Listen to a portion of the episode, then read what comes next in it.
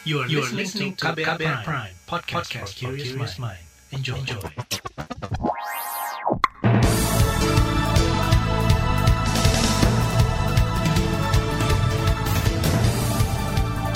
Selamat pagi saudara, senang sekali kami bisa menjumpai Anda kembali melalui program Buletin Pagi edisi Senin 10 Mei 2021. Bersama saya, Naomi Liandra. Sejumlah informasi pilihan telah kami siapkan di antaranya pemerintah sebut minimnya informasi jadi sebab rendahnya vaksinasi lansia. Menteri Kesehatan sebut vaksinasi bisa menekan tingginya biaya kesehatan. Klaster terawih di Banyuwangi, 53 orang positif, 6 di antaranya meninggal. Inilah Buletin Pagi selengkapnya. Terbaru di Buletin Pagi. Kementerian Kesehatan mengakui rendahnya capaian vaksinasi COVID-19 bagi lansia. Dari 21 juta target penerima, hanya 12 persen yang bisa terrealisasi hingga bulan ini.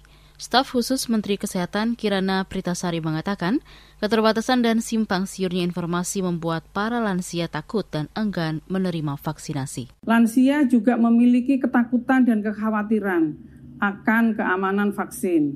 Nah, kita harus memberikan akses informasi, kita dampingi mereka, kita edukasi mereka agar mereka bisa memahami bahwa vaksin ini adalah aman bagi siapa pun, termasuk kepada para lansia.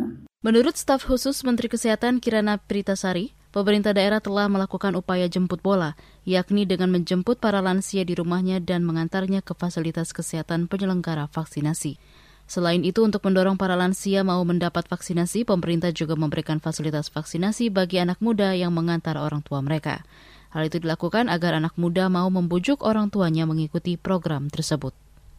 Saudara, menurut data Kementerian Kesehatan, hingga 7 Mei 2021, pemberian vaksin dosis pertama bagi lansia baru mencakup 2,6 juta. Sementara dosis kedua mencakup 1,7 juta orang. Angka ini masih jauh dari target sebanyak 21 juta penerima. Sementara itu ancaman paparan corona bagi lansia cukup tinggi sebab banyak pemudik dari kota akan pulang dan bertemu mereka untuk merayakan Idul Fitri. Menteri Kesehatan Budi Gunadi Sadikin mengatakan bakal meningkatkan kembali distribusi vaksin bagi lansia ke daerah-daerah.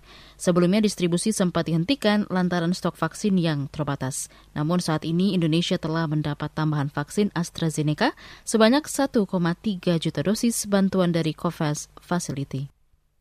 Kalimantan Tengah diketahui menjadi salah satu daerah dengan tingkat vaksinasi lansia terendah.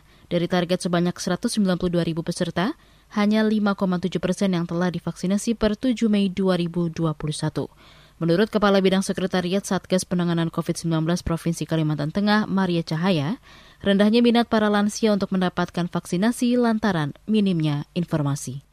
Untuk capaian vaksinasi tahap pertama untuk lansia baru pada posisi 5,7 persen atau 10.928-nya tertinggi ada di Kota Palangkaraya 16,65 persen. Kemudian Kobar 1,36 persen. Itu untuk lansia. Tetapi untuk tahap kedua Kota Palangkaraya yang paling tinggi sudah 13,3 persen dan dilanjutkan dengan Murah 3,64 persen. Di semua kabupaten kota sudah melaksanakan vaksinasi, memang capaiannya masih rendah. Selain itu, Kepala Bidang Sekretariat Satgas Penanganan COVID-19 Provinsi Kalimantan Tengah Maria Cahaya juga mengatakan, alasan lain para lansia enggan divaksin adalah takut mendatangi fasilitas kesehatan yang menjadi rujukan pasien COVID-19. Ada juga yang merasa tidak membutuhkan vaksin lantaran mereka tidak melakukan mobilitas tinggi. Kendati demikian, Maria mengatakan pemerintah dan Satgas daerah tetap menggencarkan edukasi dan upaya jemput bola agar para lansia segera mendapat vaksinasi. Berbeda dengan pemerintah, anggota Komisi 9 DPR RI yang membidangi kesehatan Kurniasi Mufidayati mengatakan animo lansia sebetulnya cukup tinggi untuk mendapatkan vaksinasi.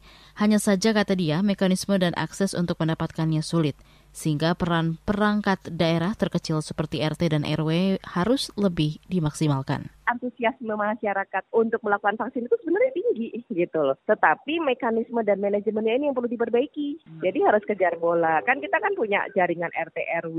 Pasti RT RW ini pasti tahu lah di tempat tinggalnya itu kan cukup kecil kalau RT RW itu kan. Pasti akan terdata masyarakat yang lansia itu siapa saja, kemudian diberikan apa namanya insentif dari uh, pemerintah ya kepada RT RW agar bisa membawa masyarakatnya yang lansia ini dibantu untuk uh, didaftarkan vaksin dan dilakukan dilakukan vaksin. Anggota Komisi Kesehatan Kurniasi Mufidayati juga meminta Kementerian Kesehatan lebih proaktif memantau kegiatan pelayanan kesehatan di daerah seperti puskesmas. Hal ini penting untuk memaksimalkan pelayanan bagi para lansia yang sering kali kebingungan dengan tata cara pelaksanaan vaksinasi. Menanggapi rendahnya capaian vaksinasi lansia, epidemiolog dari Universitas Airlangga, Laura Nafika Yamani mengatakan, vaksinasi memang tidak menjamin seseorang bakal bebas dari paparan virus corona. Namun upaya ini penting untuk menekan tingkat fatalitas jika terpapar virus.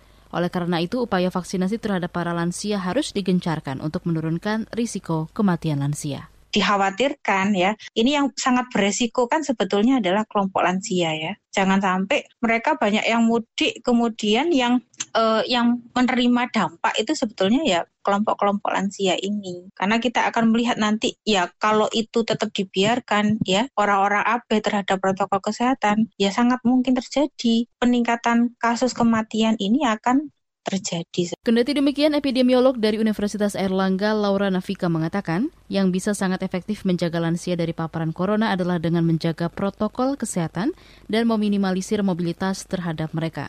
Maka menurutnya, pemerintah harus bisa mengendalikan arus mudik. Ia khawatir setelah lebaran, kasus positif COVID-19 meningkat tajam mencapai 10.000 kasus seperti pada Februari lalu. Menkes sebut vaksinasi tekan biaya kesehatan yang tinggi. Informasinya akan hadir usai jeda, tetaplah di Buletin Pagi KBR.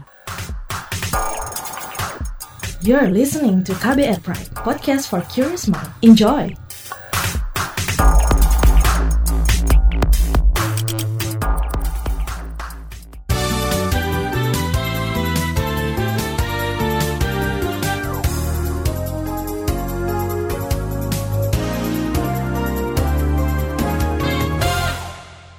Anda sedang mendengarkan Buletin Pagi KBR. Menteri Kesehatan Budi Gunadi Sadikin mengatakan program vaksinasi dan hidup sehat bukan hanya menjauhkan diri dari berbagai penyakit khususnya COVID-19, namun juga sebagai upaya menekan biaya kesehatan dari sisi penyembuhan penyakit atau kuratif.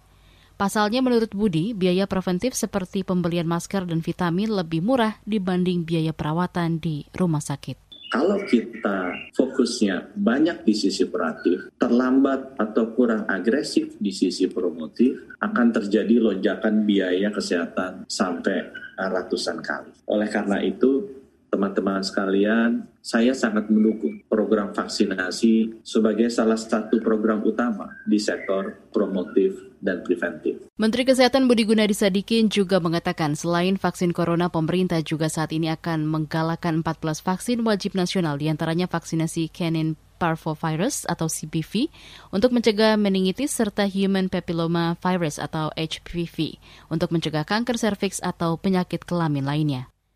Kapolri Listio Sigit Prabowo meminta anggotanya memperketat pos-pos pemeriksaan di titik-titik target pemantauan. Ia meminta tidak ada lagi masyarakat yang nekat dan lolos dari penjagaan jelang Idul Fitri.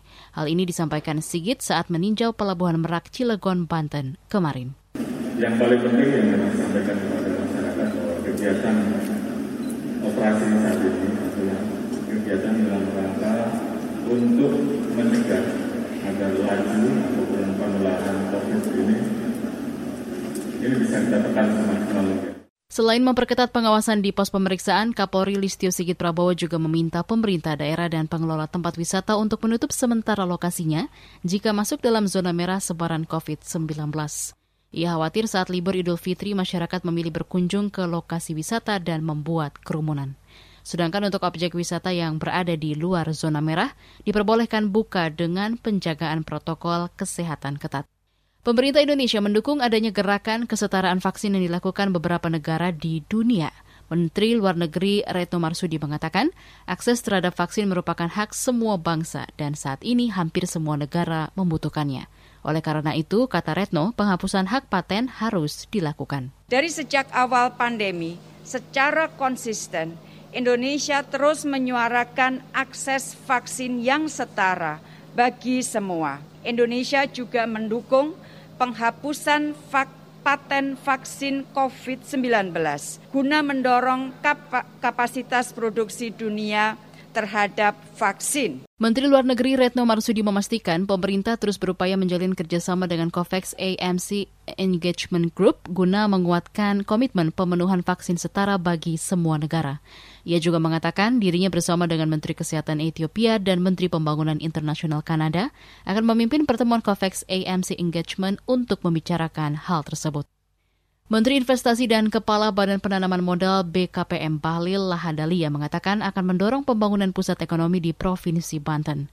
Hal ini dikatakan Bahlil dalam keterangan tertulisnya setelah melakukan kunjungan kerja ke Kabupaten Lebak kemarin.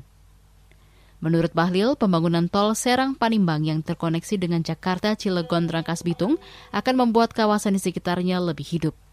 Dengan begitu diharapkan bisa meningkatkan perekonomian masyarakat sekitar.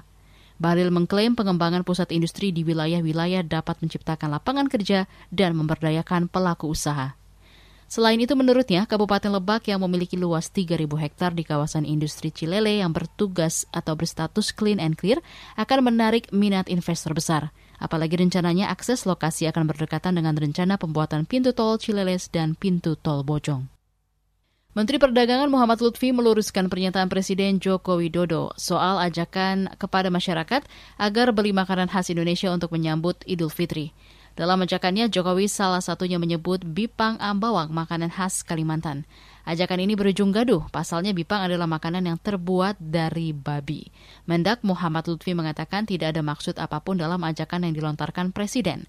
Kata dia, Presiden hanya ingin mengajak masyarakat berbelanja makanan khas daerah. Kami dari Kementerian Perdagangan selaku penanggung jawab dari acara tersebut sekali lagi memastikan tidak ada maksud apa pun dari pernyataan Bapak Presiden. Kami mohon maaf sebesar-besarnya jika terjadi kesalahpahaman karena niat kami hanya ingin agar kita semua bangga terhadap produksi dalam negeri, masuk berbagai kuliner khas daerah. Menteri Perdagangan Muhammad Lutfi mengatakan pernyataan yang diucapkan Presiden Jokowi hanyalah kalimat ajakan kepada masyarakat untuk membeli makanan khas daerah secara daring.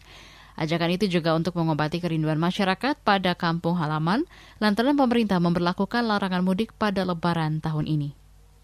Kita ke mancanegara. Ledakan bom mobil di Kabul, Afghanistan menewaskan 58 orang dan melukai 150 lainnya. Peristiwa yang terjadi pada Sabtu malam itu mengguncang lingkungan Das Eight Barchi yang dihuni mayoritas Muslim Syiah.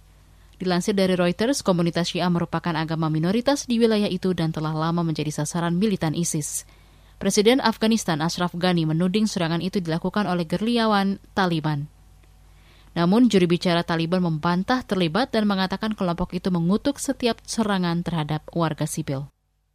Ratusan warga Palestina di Yerusalem kembali bentrok dengan aparat keamanan yang menyerang kompleks Masjid Al-Aqsa kemarin. Bentrokan ini merupakan lanjutan dari peristiwa pada Jumat lalu. Hal ini membuat situasi Arab Palestina dan keamanan Israel menegang. Dilansir dari Associated Press, bentrokan terjadi lantaran pihak keamanan menutup akses jalan menuju Masjid Al-Aqsa. Akibatnya, warga tidak dapat melakukan itikaf di 10 malam terakhir Ramadan. Bentrokan itu mengakibatkan sebanyak 64 warga Palestina terluka terkena tembakan peluru karet dan pecahan granat. Kita beralih ke berita olahraga. Pelatih timnas Indonesia, Shin Taeyong, menargetkan kemenangan dalam tiga laga sisa kualifikasi Piala Dunia yang akan berlangsung Juni mendatang. Setelah menjalani karantina sepulang dari Korea Selatan, Shin Taeyong akan kembali memimpin pemusatan latihan atau Training Center TC Timnas Indonesia di Jakarta. Dalam kanal YouTube PSSI, Sintayong menegaskan akan menargetkan tiga kemenangan dalam laga melawan Thailand, Vietnam, dan Uni Emirat Arab pada Juni mendatang.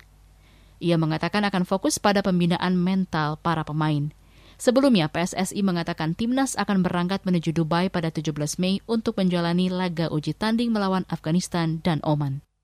Laporan khas KBR bertajuk Bagi Rata Solidaritas bagi Pekerja Terdampak Pandemi akan kami hadirkan sesaat lagi. Tetaplah di Buletin Pagi KBR. You're listening to KBR Pride, podcast for curious mind. Enjoy!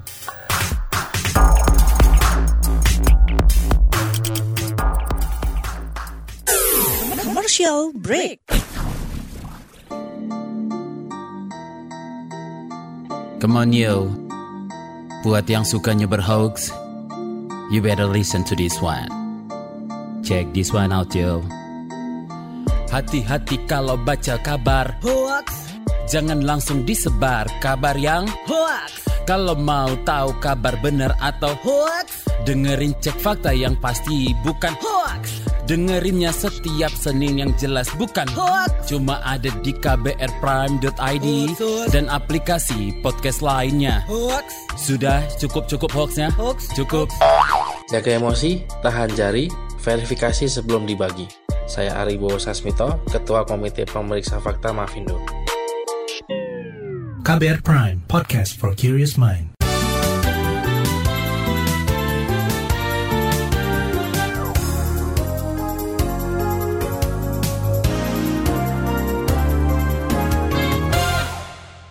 Anda masih bersama kami di Buletin Pagi KBR.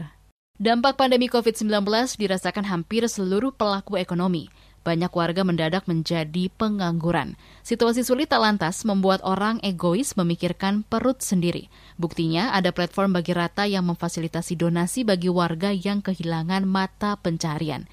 Jurnalis KBR Valda Kustarini berbincang dengan inisiator platform Bagi Rata dan penerima manfaatnya. Simak kisahnya berikut ini. tahun lalu ya itu lagi sakit dan nggak bisa aktivitas yang terlalu berat. Jadi memang pilihannya hanya untuk freelance atau kerjaan part time. Tapi tiba-tiba di stop kayak gitu. Kondisinya tuh lagi bingung, aduh mau ngapainnya. Kemudian lihat sosial media, kemudian lihatlah akun Bagi Rata itu. Begitulah awal mula Stefani mengetahui Bagi Rata, platform penyalur dana bantuan untuk pekerja yang terdampak pandemi COVID-19. Satu-satunya sumber pendapatannya hilang saat panggebluk tiba. Demi bertahan hidup, ia mencoba mendaftar sebagai penerima manfaat di Bagi Rata. Waktu itu dia minta kita ceritakan dulu permasalahan kita apa, mengapa kita merasa kita butuh bantuan, diceritakan aja secara jujur dan singkat. Stefani hanya mencantumkan akun sosial medianya untuk keperluan verifikasi. Tak ada permintaan data pribadi. Itu yang membuatnya merasa aman. Kemudian dia minta screenshot e-wallet kita yang mau kita pakai sebagai saluran penerimaan dana kita. Ada screenshot QR codes-nya gitu. Nah kemudian ada tahap verifikasi dari mereka. Kalau kita sudah diverifikasi, data kita sudah naik gitu. Langsung masuk di websitenya. Selama menjadi penerima manfaat, Stefani tak mendapat kiriman dana setiap hari. Meski demikian, bantuan itu bisa menopang kebutuhan hariannya nggak besar ya, nggak besar dan nggak banyak. Jadi mungkin aku tuh terima terus mungkin sekitar lima kali gitu, dan itu nominalnya rupa-rupa, mulai dari yang hanya sepuluh ribu sampai yang beberapa ratus lah, itu pun nggak sebesar itu ya. Bantuan yang seberapa itu menolongnya keluar dari situasi krisis kalau nginget-nginget aku terharu pengen nangis kadang-kadang. Misalnya waktu itu aku kan sambil cari-cari freelance gitu ya. Laptop waktu itu tiba-tiba chargernya rusak. Aku nggak ada dana, tiba-tiba masuk dana dari pihak bagi rata yang aku gunakan untuk membeli charger, mengganti charger. Setelah empat bulan menganggur, akhirnya Stefani mendapat pekerjaan pada Juli 2020. Ia meminta bagi rata mencoret namanya dari daftar penerima manfaat. Sebagai bentuk syukur, Stefani ikut menjadi donatur di Bagi Rata. Ini inisiatif yang sangat bagus ya. Ya makanya saya setelah bukan menjadi penerima pun menjadi donatur gitu. Tidak perlu nominal besar. Kadang kita menolong orang kan mikir, aduh kalau nominal kecil kayak gini mungkin nggak berarti apa-apa. Nggak. Dengan adanya platform ini menjadi fasilitator lah gitu bagi orang yang memang masih punya rejeki untuk dibagikan dan mereka yang memang sedang sangat membutuhkan. Sementara itu, Co-founder Bagi Rata, Ivi Fania, tak menyangka platform hasil inisiasinya masih bertahan hingga saat ini. Bagi Rata didirikan Ivi bersama tiga rekannya untuk menggalang solidaritas saling bantu di tengah krisis. Kita tuh pengen menekankan ke masyarakat bahwa ini tuh tanggung jawab kita semua gitu untuk membantu teman-teman yang lain karena kan di pandemi kemarin karena restriksi itu ada yang kehidupannya mungkin tiba-tiba berhenti, bingung, nambah pinjaman dari mana-mana. Kita tuh pengen jadi semuanya setara seenggaknya meskipun pelan-pelan tapi tetap jalan. Bagi Rata pun punya desain berbeda. Platform ini tak menampung dana yang masuk, tetapi sebagai jembatan yang menghubungkan antara donatur dan pihak yang akan dibantu. Donatur langsung mengirimkan dana ke dompet elektronik penerima manfaat. kalau masuk sebagai pengirim dana bakal disodorkan 5 atau sampai 10 profil dan cerita macam-macam dari penerima dana yang telah lolos verifikasi. Nanti dipilih langsung mungkin ngebantu satu orang yang ceritanya tersentuh atau nanti akan di redirect ke aplikasi GoPay, Dana atau Genius untuk dikirim ke rekening mereka langsung. Jadi semua transaksi itu nggak lewat kita. Kita cuman nge-recap nominal yang masuk dari back end-nya aja.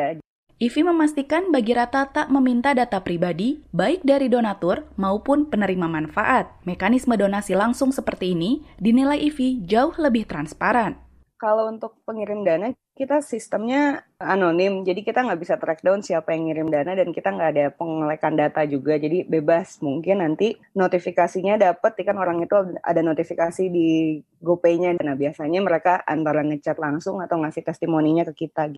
Sejak awal pandemi, ada sekitar 3.600-an pendaftar dibagi rata. Namun, hanya separuhnya yang lolos verifikasi. Dana yang telah tersalurkan mencapai 500-an juta rupiah Jumlah pendaftar penerima manfaat kini makin berkurang. Hal itu justru membuatnya senang, sebab artinya ekonomi mulai pulih dan banyak orang kembali bekerja. Kalau misalkan masih banyak banget kan, kita juga agak kewalahan nih. Ada yang kita bingung gimana bisa bantu semua orang dengan effort yang seadanya, karena kan kita nggak bisa terjun langsung gitu, kita cuma bisa kontrol dari belakang aja. Di tahun ini yang daftar jauh lebih menurun, Terus dari sektor industrinya juga nggak sebanyak tahun lalu, begitu juga nominalnya. Demikian laporan khas KBR, saya Valda Kustarini. You're listening to KBR Pride, podcast for curious mind. Enjoy!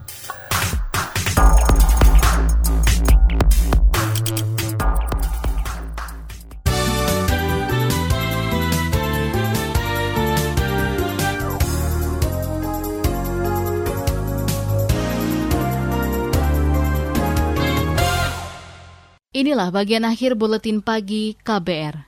53 orang dinyatakan positif COVID-19, 6 di antaranya meninggal dari klaster terawih di Dusun Yudomulyo, Desa Ringetelu, Banyuwangi, Jawa Timur.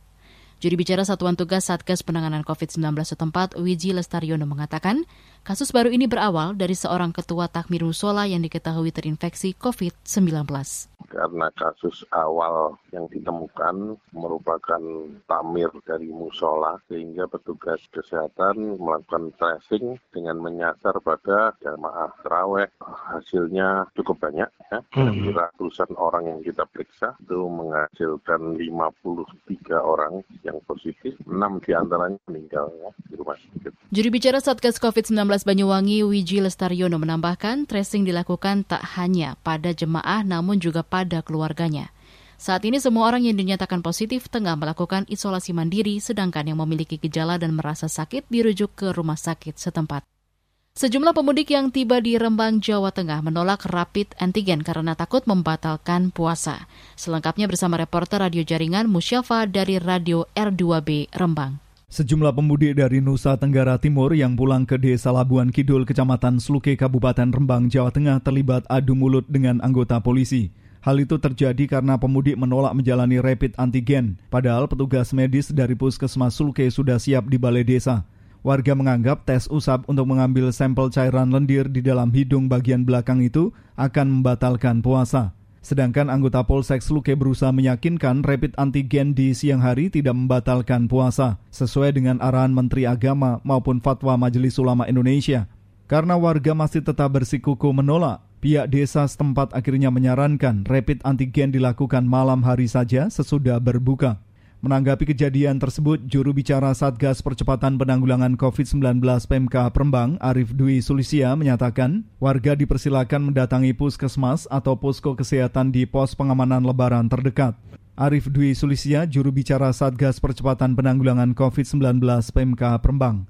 Sementara itu, Ketua Majelis Ulama Indonesia MUI Kabupaten Rembang, Zainuddin Jafar menegaskan, rapid antigen tidak membatalkan puasa. Selain tidak memasukkan cairan ke dalam hidung, cara semacam itu juga tidak sampai membuat orang muntah. Musyafa R2B Rembang melaporkan untuk KBR. Pemerintah Provinsi Kepulauan Riau masih mempertimbangkan buka tutup pariwisata saat lebaran. Pasalnya banyak masyarakat yang mulai penat dan ingin berekreasi. Namun Sekretaris Daerah Pemprov Kepri TS Arif Fadila mengatakan pembukaan tempat wisata tetap akan tergantung dari jumlah kasus aktif yang ada di sana. Sekda Pemprov Kepri TS Arif Fadila juga mengatakan jelang lebaran banyak pekerja migran Indonesia yang pulang ke sekitaran Kepri. Ia khawatir akan muncul klaster baru jika di antara mereka ada yang membawa virus dan berkunjung ke tempat wisata. Informasi tadi menutup jumpa kita di Buletin Pagi hari ini. Pantau juga informasi terbaru melalui kabar baru, situs kbr.id, Twitter kami di akun @beritaKBR, serta podcast di alamat kbrprime.id. Akhirnya saya Naomi Liandra bersama tim yang bertugas undur diri. Salam.